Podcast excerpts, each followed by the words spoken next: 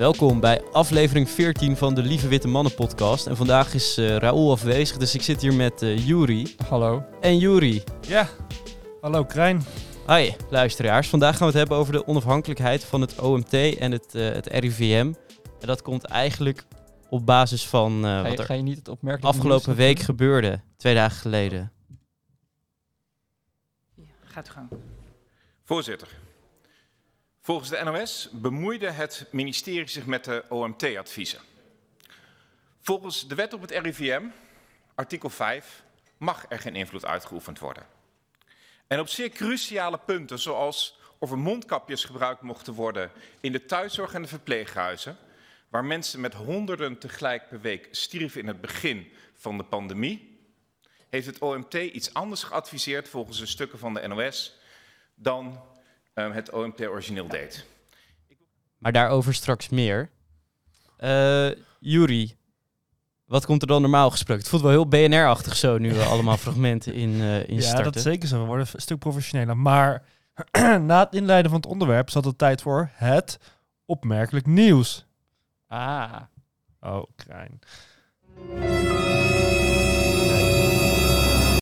Het opmerkelijk nieuws. Het opmerkelijk en het opmerkelijk nieuws is natuurlijk weer afkomstig van nu.nl. Rubriek Dankjewel, opmerkelijk. Nu, dankjewel nu.nl. Dankjewel nu.nl. En het is uh, deze keer Israëliër tilt grootste aardbei ooit. Bijna 300 gram. Ik kan me niet voorstellen hoe zwaar een aardbei van 300 gram is. dat is uh, of hoe groot een aardbei van 300 gram is. er zijn wel een foto, hè? Jouw, tu jouw tuinershart dat gaat meteen heel hard kloppen, denk ja, ik. Van een aardbei van 300, 300 gram. Heeft hij goed zijn best gedaan. Ja. En hij heeft daarmee een, uh, een, uh, een Guinness World Record gehaald. Maar, maar vertelt u ook nog hoe die tot de aardbei van 300 gram gekomen is? Nee, toeval denk ik. Nee, hij heeft natuurlijk heel erg zijn best gedaan. Uh, hij is vijf keer zo groot als een normale aardbei. En hij moest bijna een jaar wachten tot het resultaat geverifieerd kon worden. Hij heeft hem dus bevroren in de tussentijd. En hij, ja, hij, hij specialiseert zich in, in supersized aardbeien. Uh, duur, ja, dus dat is gewoon zijn specialisme. Ik weet niet precies hoe hij het doet. Dat, dat specificeert nu.nl niet. Zonde van nu.nl, want anders hadden wij het na kunnen doen natuurlijk. Hadden we ook een supergrote aardbei kunnen maken. Ja, zo enthousiast word ik daar eigenlijk helemaal niet van. Nee, misschien komt er zo meteen nog een dopingschandaal, weet je wel. ja, misschien komt er een dopingschandaal. Het is, wel zo, het is wel weer duidelijk dat jij geen uh, boerenhart hebt, hè, Krijn? Nee, nee. Tenzij wat het oosten komt, teleurstellend toch maar weer. maar uh, ja, de beïnvloeding van het, van het OMT door, uh, door het ministerie van, van Volksgezondheid. Hoe kijken jullie daarnaar, jongens? Nou, het was eigenlijk, eigenlijk is dat de hele pandemie de gang van zaken dat uh, het OMT een klein beetje altijd wordt beïnvloed door een andere partij dan, dan zichzelf. Zeg maar, eerst waren het altijd de katshuisoverleggen waarbij uh, Jaap van Dissel, waar Rutte tegen Jaap van Dissel even ging vertellen waar, die, waar het advies heen geschreven moest worden. En nu is het eigenlijk ook op zwarte-wit, want die waren altijd uh, volledig geheim. off the record. Want er mocht bij de, oom, bij de bij de katshuisoverleggen mocht er uh, niks opgeschreven worden, er werd niks genotuleerd. En er mocht uh, niks bewaard blijven eigenlijk van die overleggen. Maar nu is eindelijk uh, zwart op wit zichtbaar in welke mate de politiek en, de en het ambtenarenapparaat, gewoon het ministerie van Volksgezondheid, echt invloed heeft uitgeoefend op het OMT en op de advies die ze hebben. En je ziet eigenlijk gewoon dat het OMT gewoon letterlijk hele zinnen overneemt van wat het ministerie schrijft. En dat is eigenlijk best wel kwalijke zaak, terwijl je pretenteert dat het onafhankelijk is. Ja, niet echt het OMT, toch? Gewoon de voorzitter die daar uh, notulen aanpast. Dat, dat was toch voornamelijk. Dat, uh, dat, de dat, officiële notulen. En het advies was dus ook aangepast ja. op basis ja. daarvan. Ja. De discussie niet, is anders. Niet het OMT, het OMT, de leden van het OMT, die werden daar niet over geïnformeerd. Dat gebeurde gewoon. Ze, ging, ze herschreef de notulen zonder dat er uh, gecommuniceerd werd van we hebben de notulen aangepast, we hebben deze zin eraan toegevoegd. Ja, goed punt. Dus Oh, misschien zaten punt, alle, ja. alle OMT-leden daar met goede bedoelingen en toen waren er één of twee mensen binnen het OMT die gewoon... Zo, zo leek het wel gepresenteerd te worden in het, uh, in het nieuwsuursegment dat erover ging dat uh, OMT-leden niet op de hoogte waren van de wijzigingen Dat die het ministerie had aangebracht. Dan snap je ook in één keer waarom alle OMT-leden zelf de media gingen zoeken. Want dat is de enige manier waarop je Ja. boodschap zuiver overkomt. Direct, eh, eh, zonder, zonder iemand die eh, politieke belangen bij heeft. Ja, maar dat is wel een kwalijke zaak als je je beleid baseert op, op zogenaamd wetenschappelijke adviezen van het OMT. En dan je vervolgens de wetenschappelijke discussie gaat herschrijven naar wat jou toevallig goed uitkomt op dat moment. Een beetje, een beetje laf toch ook? Dat je, dat je niet voor je keuzes durft in te staan. Kijk, het, het is wel een keuze dat je maakt. Dat je zegt van, we gaan het OMT-advies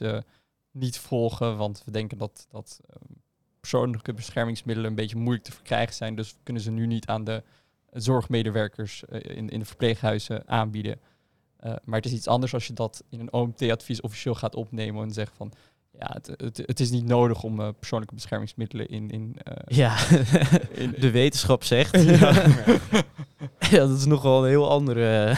Maar, ja, maar, ja, maar deze, dit probleem hebben we echt wel vaker gezien. Want we hebben ook een, bijvoorbeeld vorig jaar in 2021, toen hadden we een tekort aan vaccins. En toen was het idee vanuit het politiek was juist, eh, als je nou de tijd tussen de eerste en de tweede prik oprekt, dan kan je veel meer mensen een eerste prik geven. En dan kan je die tweede prik zeg maar uitstellen, dan, dan heb je veel meer mensen een eerste prik gegeven eigenlijk. Ja. Daar was ook gelijk, daar was op het eerste moment helemaal geen wetenschappelijke basis voor om dat te realiseren. En toen, heeft het, toen is er ook via via is het ook geregeld. Toen kwam er ook in één keer een advies eruit. Ja, er is heel veel wetenschappelijke basis om het op te rekken.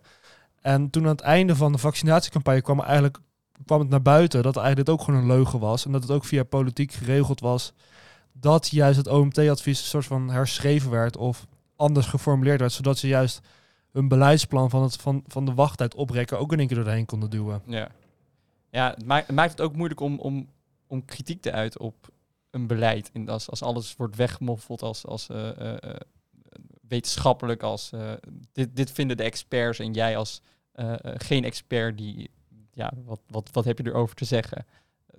ja, Dat, ik, ja. Ja, dat is ook raar. Maar dat is ook de, de plek van het RIVM. Is ook, we hebben in Nederland hebben we van die instituten die zijn onafhankelijk. Die krijgen geld van de overheid. En die vallen dan soort van onder het ministerie. Maar die worden als onafhankelijk beschouwd. Omdat ze bijvoorbeeld wetenschappelijk zijn. Of het, eh, het KNMI is bijvoorbeeld ook zo'n onafhankelijk instituut.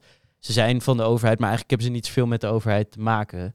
Maar als het dan Nee, ze hebben niet zoveel met de politiek te maken. ja, niet zoveel met de politiek. Misschien is dat inderdaad beter gezegd.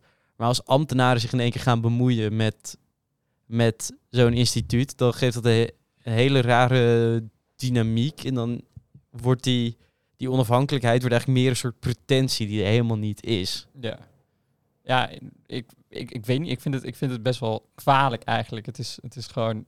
ehm, dit is nu het instituut dat ons zou moeten beschermen tegen, tegen eh, een dreiging, in dit geval dus eh, een, een virus.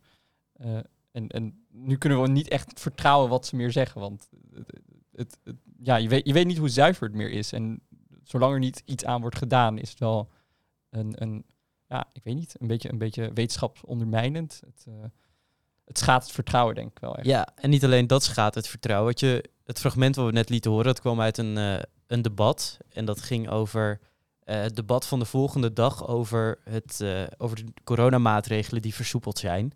En daarin vroeg Pieter om zich eigenlijk aan om een ander debat te organiseren. Wat dat specifiek over zeg maar, de beïnvloeding van het RIVM ging.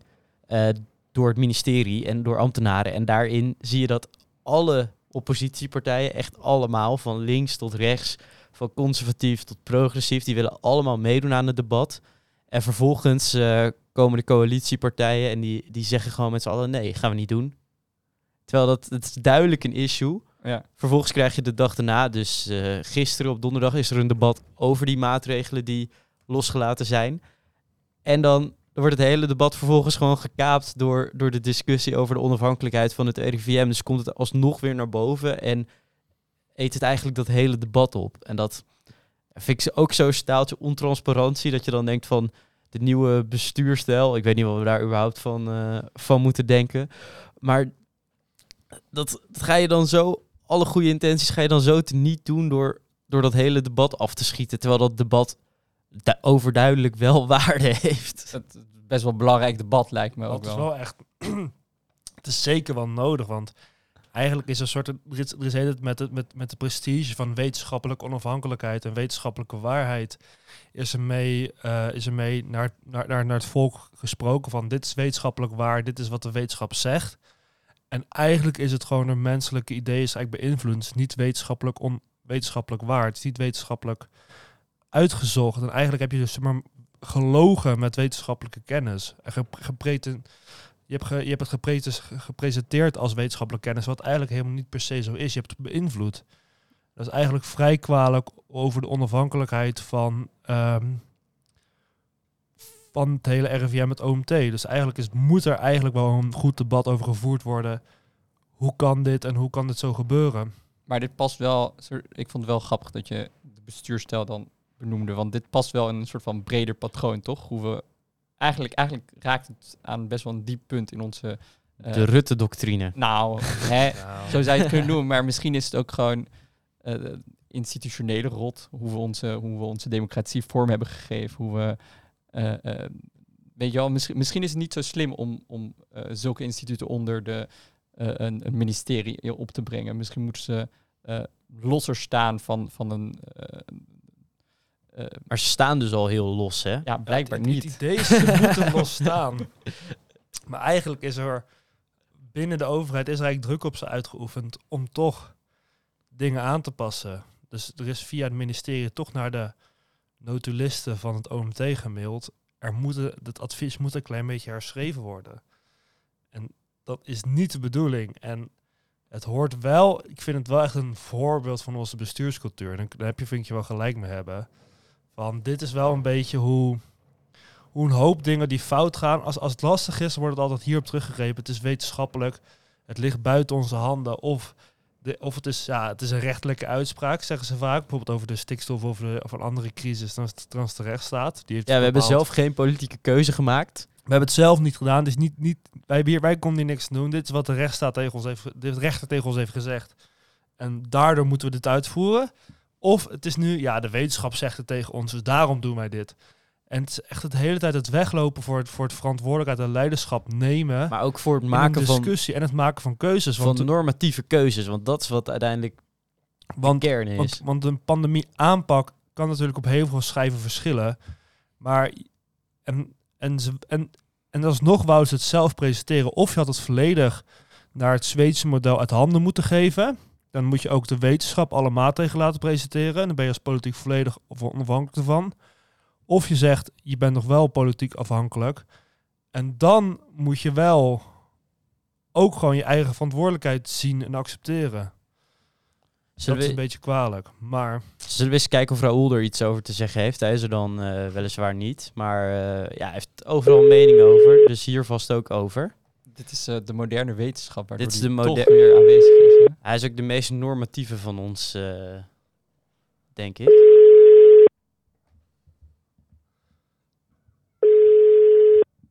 Hallo Krijn. Hey Raoul, je bent Hey, live in de uitzending. met live in de uitzending, ja. Hallo, hallo. Oh jongens, wat fantastisch.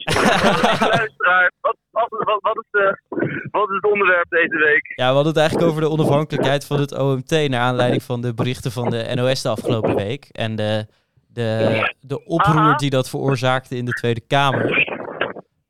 Had je daar een mening over? Nou, ik vind dat, eh, ik, ik, ik ben eigenlijk zelf van mening dat de onafhankelijkheid van het OMT eh, Ja. eigenlijk, nou ja, al, al, al onlogisch geweest is.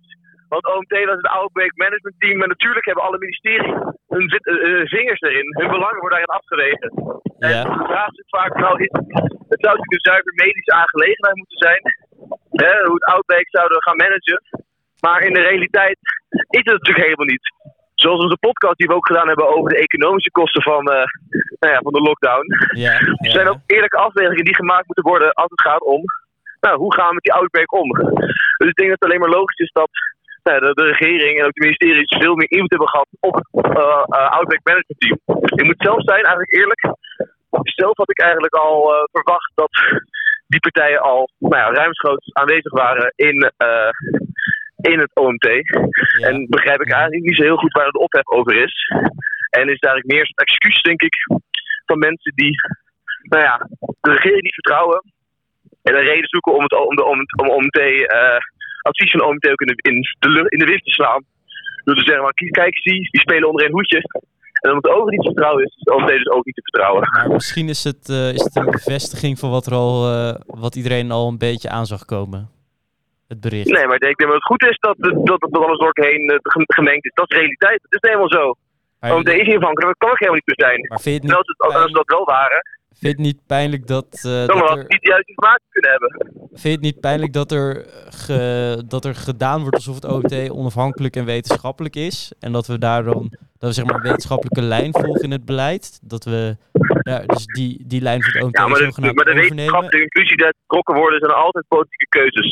Een, eh, een puur wetenschappelijk orgaan, een puur wetenschappelijk advies bestaat niet. Maar- Eh, en daar hou ik het bij, jongens, lieve luisteraars. Ik ga, ik ga met de auto in, dan moet ik weer naar huis. Ik ben aan het skiën in Winterberg namelijk. Nou, veel plezier nog eh, daar en eh, ik hoop dat je niet van de piste afwaait. ik hoor die man, het lijkt hier heel hard. Nou, het waait hier hard. Joejoe. Heel, ja, nou ja, het is ook wel een lelijke waai. eh, Wat is windstoot hier. Oké jongens, joejoe. heel, kort en bondig, eigenlijk wat ik van Raoul verwacht had. Dat hij eh, de, de onafhankelijkheid van wetenschap in de eerste plaats wel zou, eh, zou relativeren. Ja, zeker. Het is toch een geesteswetenschapper, hè? Maar ik vond, ik vond, ik vond, ik vond Raoul wel een interessante mening we hebben. Eigenlijk dat, dat je wetenschap en wetenschappelijk orgaan gewoon nooit als Onafhankelijk. onafhankelijk kan beschouwen. Maar je wel heel- altijd de verbondenheid en de, en de relatie tussen de overheid, tussen, de, tussen het orgaan en de politiek altijd moet zien. En dat het eigenlijk een utopie is als het onafhankelijk is. Maar wel een heel meta en postmodern eh, Ja, het was wel... commentaar. Ja, dat wel. Maar ja, zo kennen we Raoul. Maar, maar heb je nog een leuk geluidje om deze te- teleurstelling eh, af te spelen, Krijn? Zeker. Oh,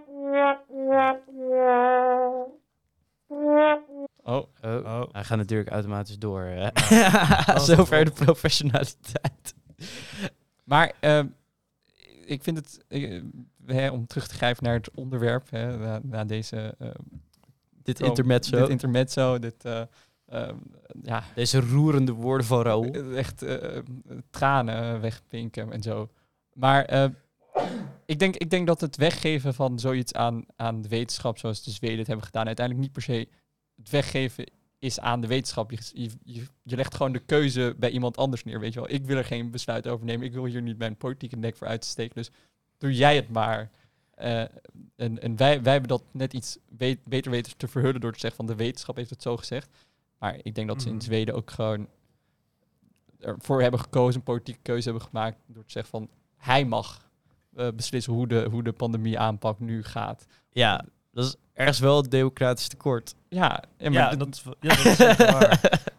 het, het is ook een gigantisch democratisch tekort, toch? Dat, een, je, bent, je bent premier voor een, of je bent, regeren, je bent een regering voor een reden dat je keuzes moet maken. Daar, daar, daar zit je voor en dat mensen kritiek uiten op die keuzes. Om, om- Ja, Ja, maar daarom vind ik juist, dus je kan, je kan dan niet de hele tijd, zeg maar, je hebt ook een, je hebt ook democratie toegepast. Dus je hebt dus politiek verantwoordelijk ben je voor die acties die ondernomen zijn, want jij hebt ze uiteindelijk uitgevoerd.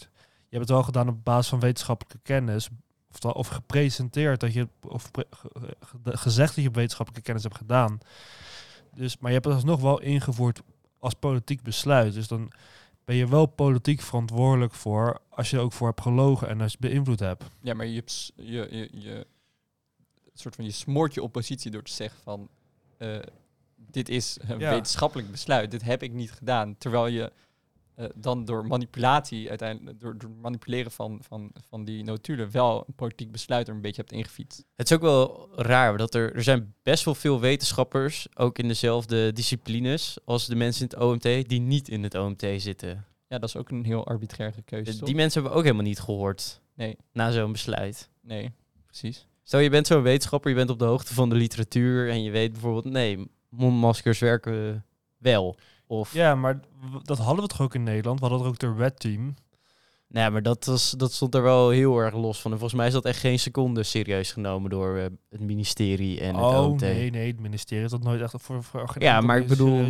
Meer ook de rol voor onafhankelijke wetenschappers, gewoon individuele wetenschappers. Hebben zij niet ook de verantwoordelijkheid om zich uit te spreken in, in de media over bijvoorbeeld een OMT-advies, als dat daadwerkelijk nergens op slaat? Ja, volgens mij hadden, had dat Red Team zich ook ontbonden, zichzelf soort van ontbonden, omdat ze niet het gevoel hadden serieus geno- genoeg te, eh, te nemen. eh, te Ja. genomen. Maar, dat- maar, maar dat werd iemand wel echt een poging ondernomen om juist als ander geluid ook juist hun mening met wetenschappelijke kennis en wetenschappelijke informatie te presenteren.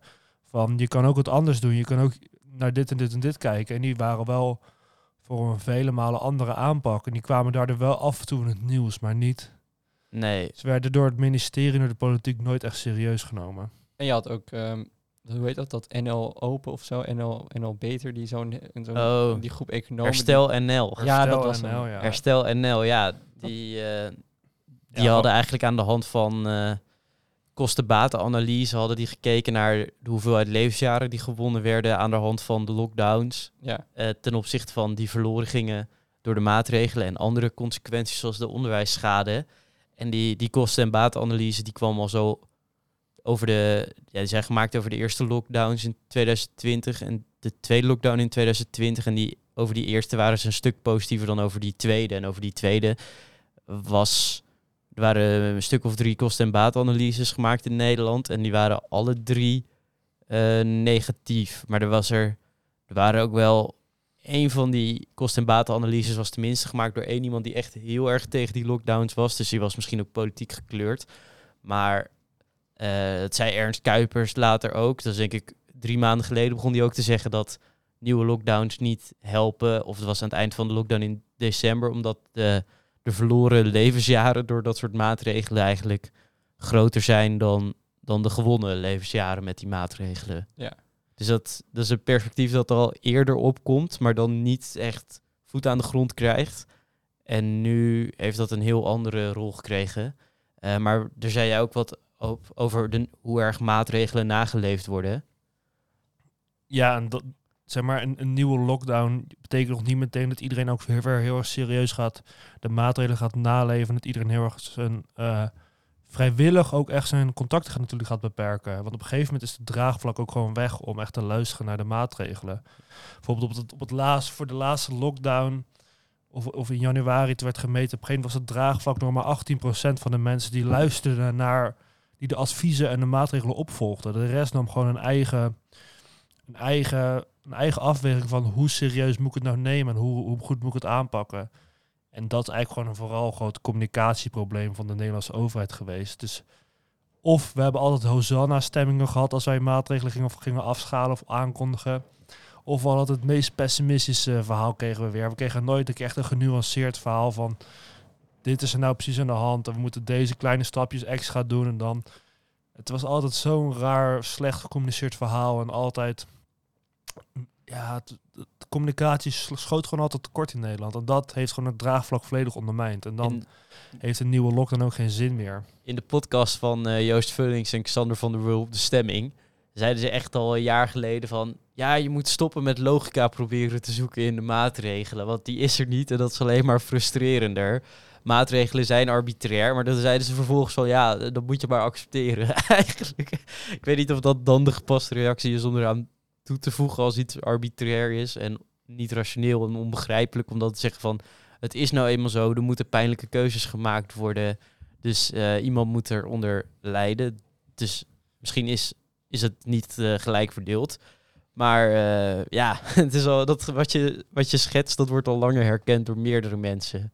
Maar ik denk juist dat in die arbi arbitrariteit, ar arbitra arbi Arbitraire ar- ja, willekeur, willekeur. ehm, dat daar dus juist die politieke discussies moeten plaatsvinden. En dan, dan moet je wel een soort van goed geïnformeerd debat kunnen voeren. eh, en dat betekent wel dat eh, eh, je een, een, OMT moet hebben dat niet gekleur- ge- gekleurd wordt, maar ook misschien inderdaad wetenschappers moet hebben die, die niet in het OMT zitten en dan zichzelf gaan organiseren om, om een soort van tegenstem te, te creëren, zoals dat Red Team of, of dat Herstel NL hebben gedaan.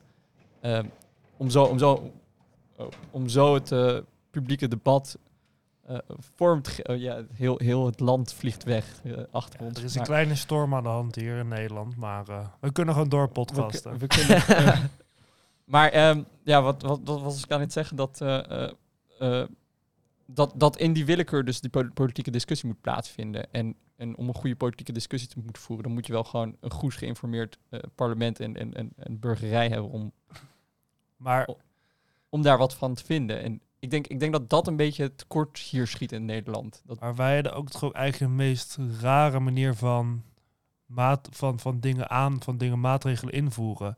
Want we hadden meestal op zondag en maandag lekte alles uit. Van op, op, we hadden dan ergens zondagavond lekt altijd uit wat het katshuisoverleg had betekend. Maandag was echt gewoon zoveel mogelijk opiniepeilingen trekken van wat vindt de mens van de nieuwe maatregelen. Ja. Op dinsdag hadden we dan de persconferentie, werden nieuwe maatregelen aangekondigd, werden ze nog een beetje getweakt op, op basis van de opiniepeilen van maandag. En de reacties inderdaad. En de week. reactie, en op donderdag of zo had je pas een kamerdebat erover. Dus dan mochten de oppo- oppositiepartijen reageren erop. ja, En dan waren de maatregelen eigenlijk alweer ingevuld, eh, ingevoerd. die maatregelen veranderden nooit. die naar- veranderden nooit. Nou ja, het half uurtje van D66 was het enige wat ik ooit een keer veranderd Oh is. ja. Oh, dat deed ook zo'n pijn. Dat we de avondklok, dat we gingen handje klappen over een half uurtje. Dat je dan denkt van, het parlement moet dan nu die waardetegenstelling eh laten zien. Ja. Ja. En dan vervolgens gaan kiezen tussen grondrechten of individuele vrijheid en veiligheid van iedereen. En dat moet dan... Volksgezondheid, ja. Ja, en dan vervolgens gaan we in plaats van echt die waardetegenstelling opzoeken en gewoon zeggen van, dit is het of dit is het niet. Ja, Gaan we handje klappen over een half uur. Dan, ben- dan ben je toch ook de essentie gewoon dat, totaal voorbij. dat, dat sloeg ook echt. eh, dat, dat was best wel farcicaal om te zien. Volgens, eh, dat, Ja, dat, de, de hele, de hele discussie daar op het. eh, volgens mij zei Rutte ook gewoon op een gegeven moment van ja, een half uur meer, een half uur minder. Allah, weet je wel. Ja. Maakt mij niet heel veel uit. Ja, er was nog eens één zo'n moment en dat ging over de, de... Dat was veel later, dat ging over de coronapas bij het sporten. Toen Oh, was in één keer de hele Kamer ook eh, tegen. En toen is het wel aangepast. En toen is het niet aangepast op basis van een soort van handjeklap dat het halve team eh, Ja. een coronapaspoort moest hebben. Ja, maar er, er is de politieke draagvlak of politieke debat over de maatregelen is altijd tekortgeschoten in Nederland wel. We hebben nooit echt erover gediscussieerd. Het was altijd je had altijd de helft van de tweede, je had altijd een groep van de Tweede Kamer die geloofde helemaal niet in corona. Die waren sowieso er tegen. Dus die konden geen enkele maatregel accepteren. En de andere en de rest van de oppositie was nooit echt nou heel kritisch over de, over de waarden en de ideologie. En, en, en, en wat je nou precies moest doen als je de maatregelen ging invoeren. Dus dat was altijd een tekortschietend debat. Ik vond altijd de PvdA of zo, die toch eh, heel erg sterk ergens voor staan. Die vond ik altijd totaal ontbreken in die Die discussie. waren echt onzichtbaar in de discussie. ja. bijvoorbeeld. Nou, Dat was nou echt bij uitstek een partij die zich had kunnen laten zien en op een constructieve manier kritiek had kunnen leveren op, eh, op het coronabeleid en ook de maatschappelijke gevolgen voor bijvoorbeeld ongelijkheid en hoe de effecten van dat beleid de samenleving kunnen schaden. Maar ik denk dat de coronadiscussie heel snel dus werd gepresenteerd als ehm, de mensen die kritiek uiten, die worden eh, anti-wetenschappelijk. Of je bent Ja. voortbereid en dan ben je eh, wetenschappelijk bezig. Weet je wel? En, en weet, iedereen wil natuurlijk eh, de, de meest actuele wetenschappelijke kennis volgen, want de wetenschap heeft zoveel goeds voortgebracht. Dus als je anti-wetenschappelijk bent, dan ben je eigenlijk gewoon dom. Dan, dan, ben, dan ben je een extremist. Zo, zo, zo, zo kreeg ik een beetje het idee dat, dat Ja, die discussie in ja, elkaar stak. Dat, dat klopt ook wel, zeg maar. Het werd, het werd gepresenteerd, dit, dit is wat de wetenschap tegen ons zegt. Dus dit is wat we moeten doen. En als je nu kritiek hebt op deze uitspraak, op deze maatregelen, dan ben je eigenlijk een wetenschap on- ontkenner en dan snap je niet hoe de wetenschap werkt. Nou, het is ook zo van, ja, we hebben hier het team, het, eh, het OMT, en zij hebben het monopolie op de waarheid.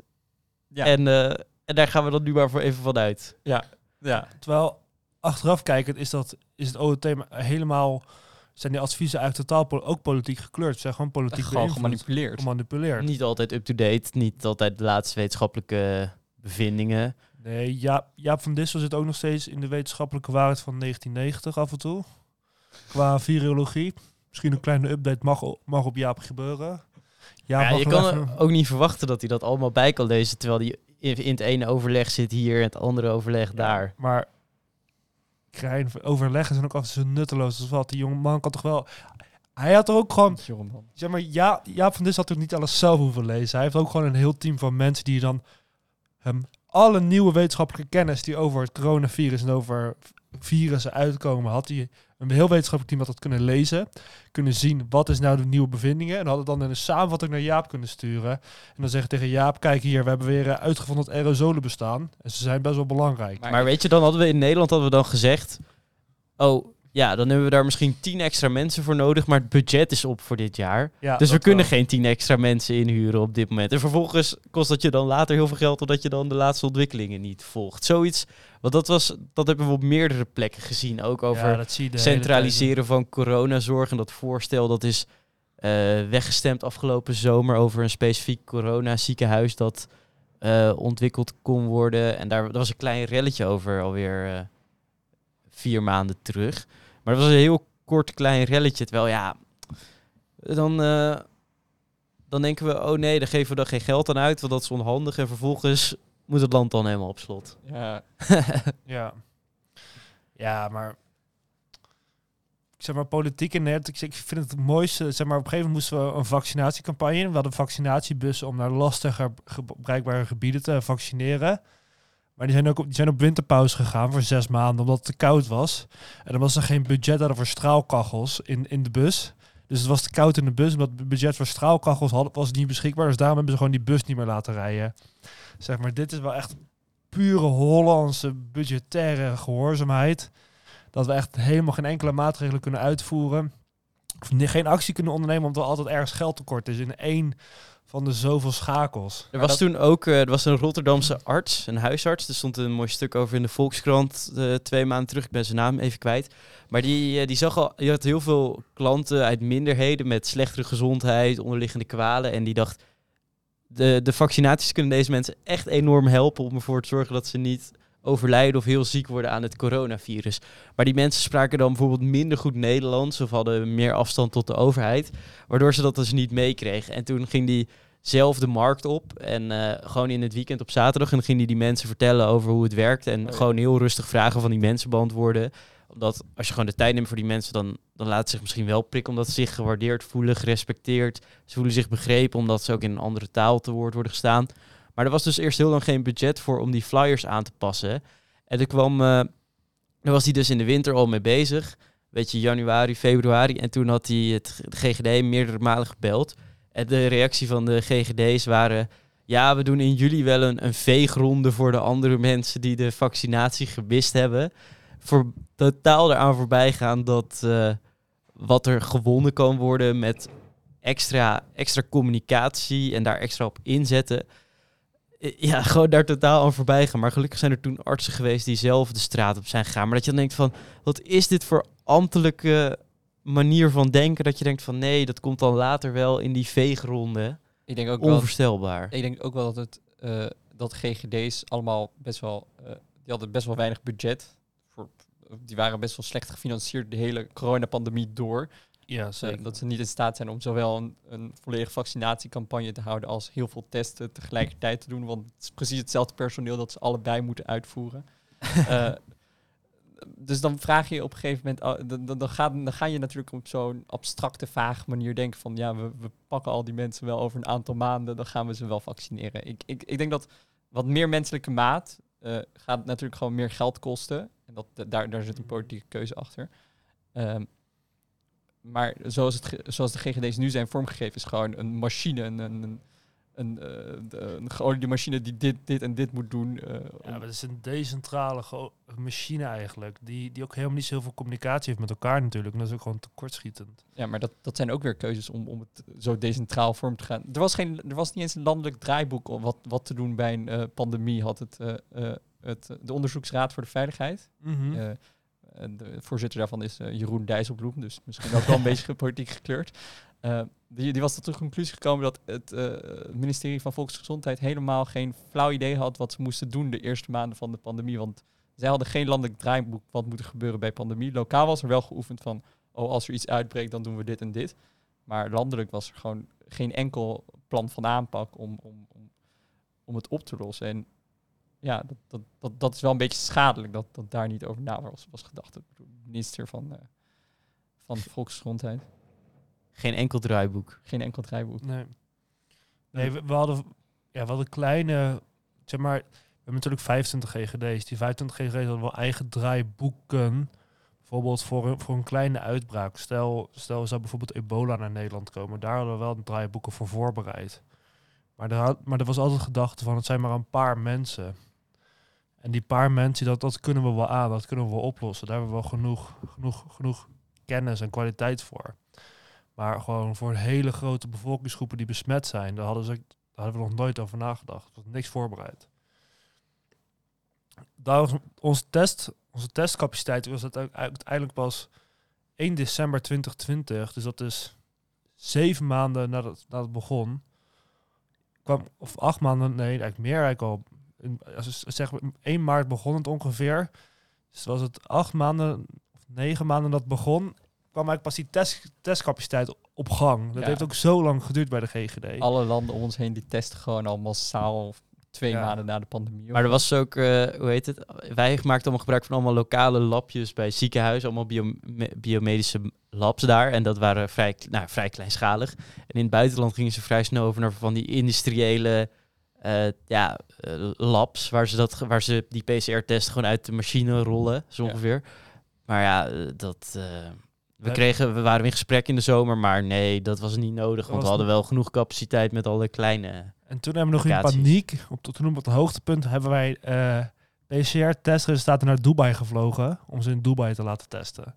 Zeg maar, Nee, zo echt? erg was de Oh. paniek. Ja, we hebben, we hebben allemaal testvluchten laten in Dubai laten vliegen. Dat was echt de meest absurde situatie ooit.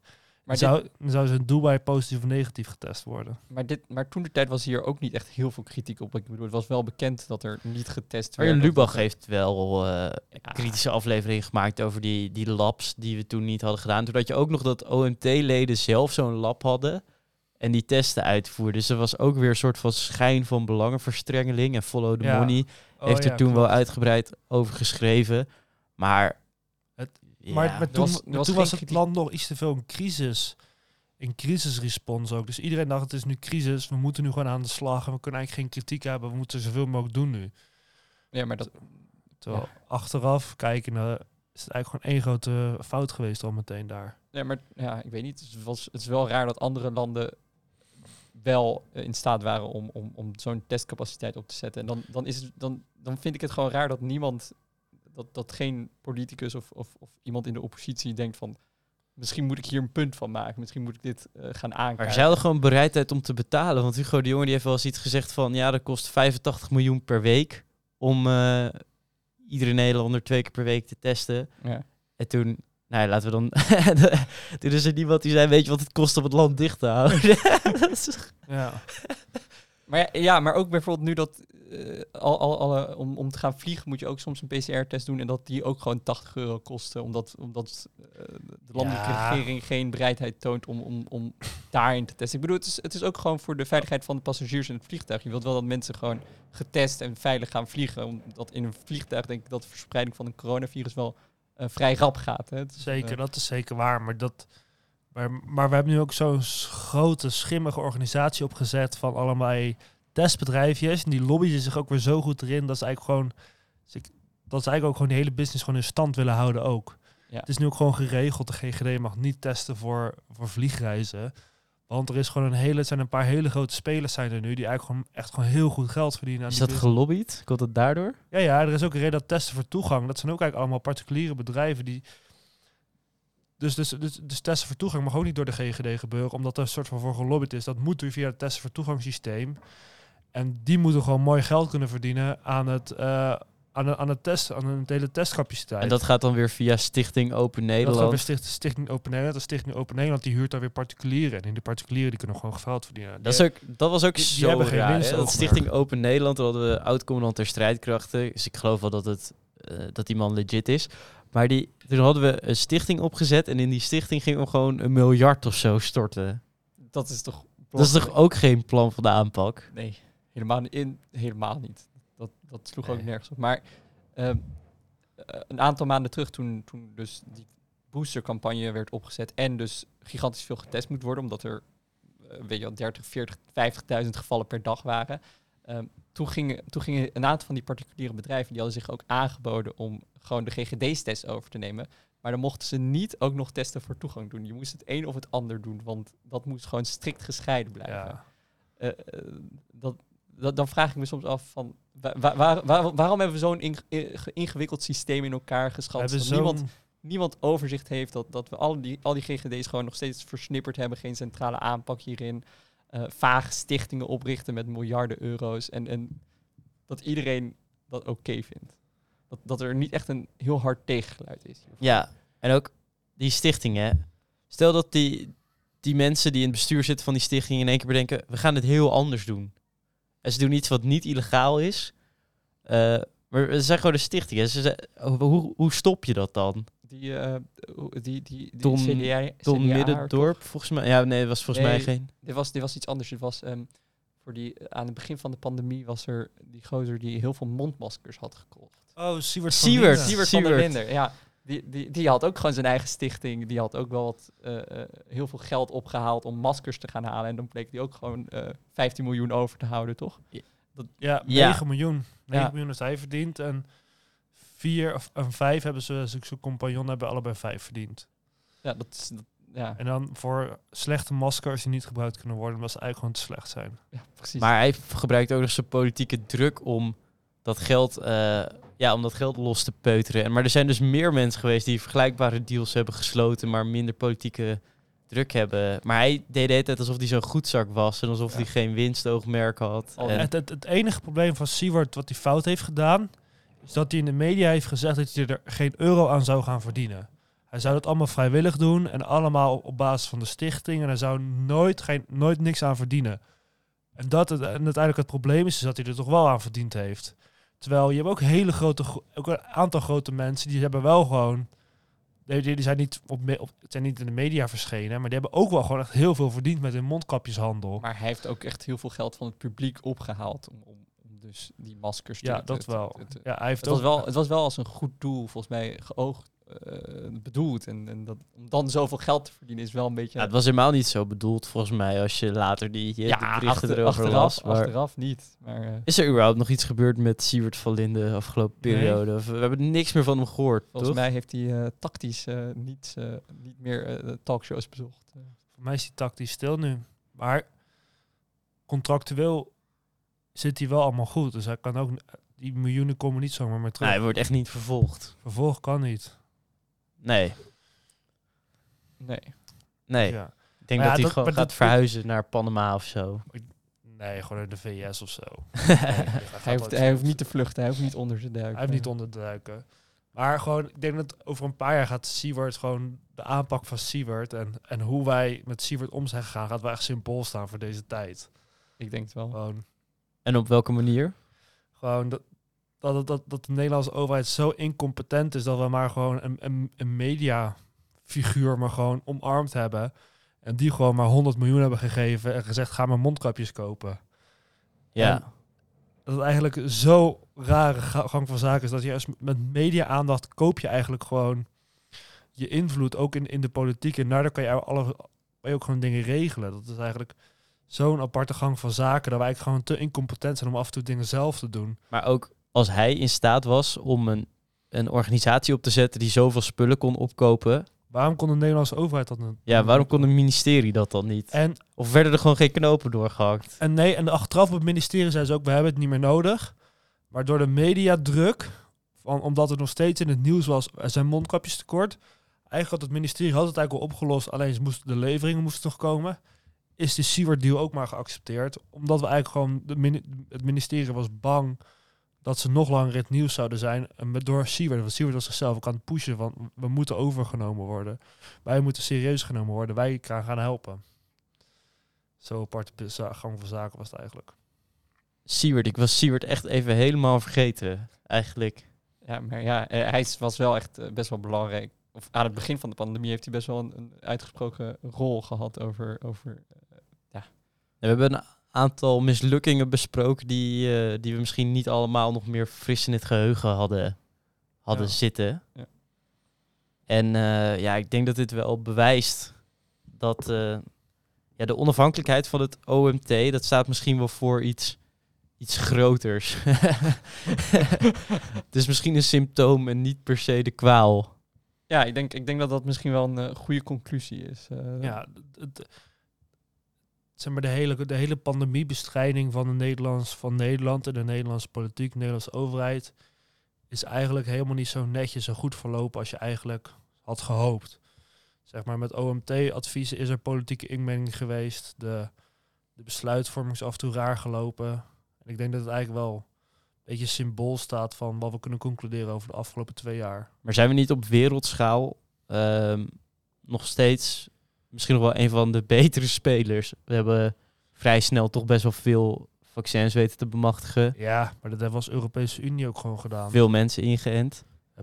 Wij waren ook een van de laatste. Wij waren de laatste van Europa die begon met vaccineren. En we waren ook de laatste met boosteren. Dus als Europese Unie hebben we vaccins ingekocht. Maar waren wel ook telkens de laatste om te beginnen. Dus Van de goede waren wij de slechtste van, misschien. van, van zeg maar, van zeg maar ons, ons soort landen waren we wel het slechtste jongetje van de klas. Wij zaten er wel in de hoogste klas, maar waren wel de slechtste van de klas. Want je, uh, binnen Europa kan je eigenlijk zijn, zijn er weinig West-Europese landen die het slechter hebben gedaan dan Nederland. Want dat kan je niet opnoemen. Als je, als je gaat zeggen van welke landen hebben echt slechter gedaan binnen de Europese Unie, dan ga je naar Bulgarije en Roemenië toe. ja, Maar er zijn niet echt andere Europese landen die het slechter hebben gedaan dan Nederland. We hebben echt best wel slechte, echt niet zo best gehandeld. Echt hoop tekort geschoten. Communicatiewijze, eh, vaccinatiewijze, testwijze. Zo, zo ongelukkige lockdowns nog aan het einde. lockdowns. Echt, wij zijn, we zijn als enige land laatst zijn we in lockdown gegaan. Laatst heeft de GGD ook gezegd, wij kunnen het testen ook niet meer aan. Ook absurd eigenlijk. Dat is wij, ja, Gigantische storingen bij het RIVM, die eh 100.000 positieve tests niet kunnen registreren. Ja. Omdat, eh, eh, ja, wa- waarom? Gewoon wat technische storingen hadden of zo. wij horen zeg maar niet qua onze... Als je kijkt naar onze statistieken, horen wij niet bij de als West-Europees land. Als je onze statistieken, en je haalt naam Nederland weg en je kijkt alleen maar naar onze statistieken, dan zouden wij gewoon... Zouden ze Nou. zeggen, dit is geen we- Westers-Europees land. Vaccinatiegraad wel. eh, Ja. Ja. Uiteindelijk, uiteindelijk is het wel weer goed gekomen. Maar we liepen Ja. wel keihard achter. De bereidheid, de vaccinatiebereidheid is wel hier heel hoog. Dat, dat, dat is denk ik ook wel positief voor de vaccinatiegraad. Dat in veel andere Maar- landen daar die bereidheid ook veel lager is. Ja, maar als je om ons heen kijkt, bijvoorbeeld Vlaanderen heeft een hogere vaccinatiegraad dan Nederland. Ja, en Dus gewoon- alle Scandinavische landen, Groot-Brittannië, Ierland, allemaal hoger. Maar dat zijn wel echt de hoogste van de wereld zo ongeveer. Duitsland, Frankrijk, Oostenrijk, Zwitserland, ja, maar wij, Italië, Die, hebben, die zitten, zitten rond, dus ook op ons niveau. Verenigde Staten. Ja, maar de Verenigde Staten is wel iets, een heel lastig verhaal. Want die zijn ook volledig gepolariseerd. Die hebben gewoon twee polen, twee opties. Maar bijvoorbeeld de Portugezen, we hebben het wel slecht gedaan met de Portugezen. Ja, maar dat was ook... Volgens mij klopte die statistiek niet. Want ze kwamen op een moment met 100% gevaccineerd. En er was een rare, een rare twist in die cijfers. Dat bepaalde mensen volgens mij niet meegenomen waren in die cijfers. Maar dat... eh, dat was heel... Nou ja, ik weet het niet precies wat er nou was met de Portugese cijfers. Maar er was een... eh politieke bemoeienis. nou, was een, iets klopte niet. Iets had een luchtje. Maar zijn wel meer mensen gevaccineerd in Portugal dan in Nederland. Oké, dan was het misschien iets anders ergens in Portugal. Ik denk met besmettingen dan misschien. Ja, misschien ook wel. Maar laat het zo stellen. In Portugal is wel iedereen bijna iedereen gevaccineerd. In Nederland hebben we toch echt nog wel grote groepen die niet gevaccineerd zijn. Daarmee kan je wel zeggen, de vaccina- bereidheid ligt wel hoger in Portugal. Dat kunnen we wel concluderen, denk ik. Daar kunnen we niet over twisten. Dat ze 100% hebben, dat klopt denk ik niet. Dat is onmogelijk. Want er zijn altijd een aantal mensen die eh, waarbij hun lichaam geen vaccin aan kan. Bijvoorbeeld vanwege, vanwege, huidaandoeningen of vanwege andere aandoeningen. Altijd zijn een aantal mensen mogelijk die niet geprikt kunnen worden. Maar er is daar wel hoge, vaccina hoge vaccinatiegraad bereikt. Ja. Ja, en misschien is dat een goede, een goede om op te eindigen. Dat we als Nederland eigenlijk van de, de goede de minste waren. Ja. En eh, ja, luister hem nog een keer terug, zou ik zeggen, voor alle, alle dingen die misgegaan zijn. Want we hebben best een leuke opsomming gegeven, volgens mij. Dat zeker. Dat en ik eh, ik ben benieuwd waar, dat, waar dit verder zich heen gaat ontwikkelen over deze onafhankelijkheid van het OMT en het RIVM ten opzichte van het ministerie. Want het zou nog wel eens een staartje kunnen krijgen. Denk ik ook wel. Ja, en vooral voor het RIVM, want binnenkort krijgen we weer klimaatcrisis, komen weer pl- meer in, in nieuws. We hebben natuurlijk ook nog steeds een stikstofcrisis. Ja, die, die zijn wel echt eh, En veel... die cijfers komen ook allemaal van het RIVM. En die cijfers komen ook van de RIVM. De RIVM binnenkort ook weer over CO2-levels gaan berichten. Dus het RIVM, het is wel belangrijk dat RIVM onafhankelijk blijft en waarde, eh, waardevrije cijfers kan presenteren. We hadden toevallig de Urgenda-doelstelling gehaald hè, van de rechtszaak van CO2-afname in, eh, in 2021 door minder verkeer door corona Mhm. en, eh, ja, alleen maar en het sluiten van de. Hemwegcentrale volgens mij in, eh, in Amsterdam. Maar we hadden het gehaald en die cijfers zijn van het RIVM. En ik wil niet zeggen dat die cijfers niet kloppen. Nee, dat is heel flauw. Maar ik ben benieuwd hoe, eh, hoe de, de reputatie van het RIVM zich hiervan herstelt. Daar ben ik ook benieuwd naar. Nou, bedankt voor het, eh, voor het luisteren en eh, tot de volgende keer. Tot de volgende keer. Doei doei.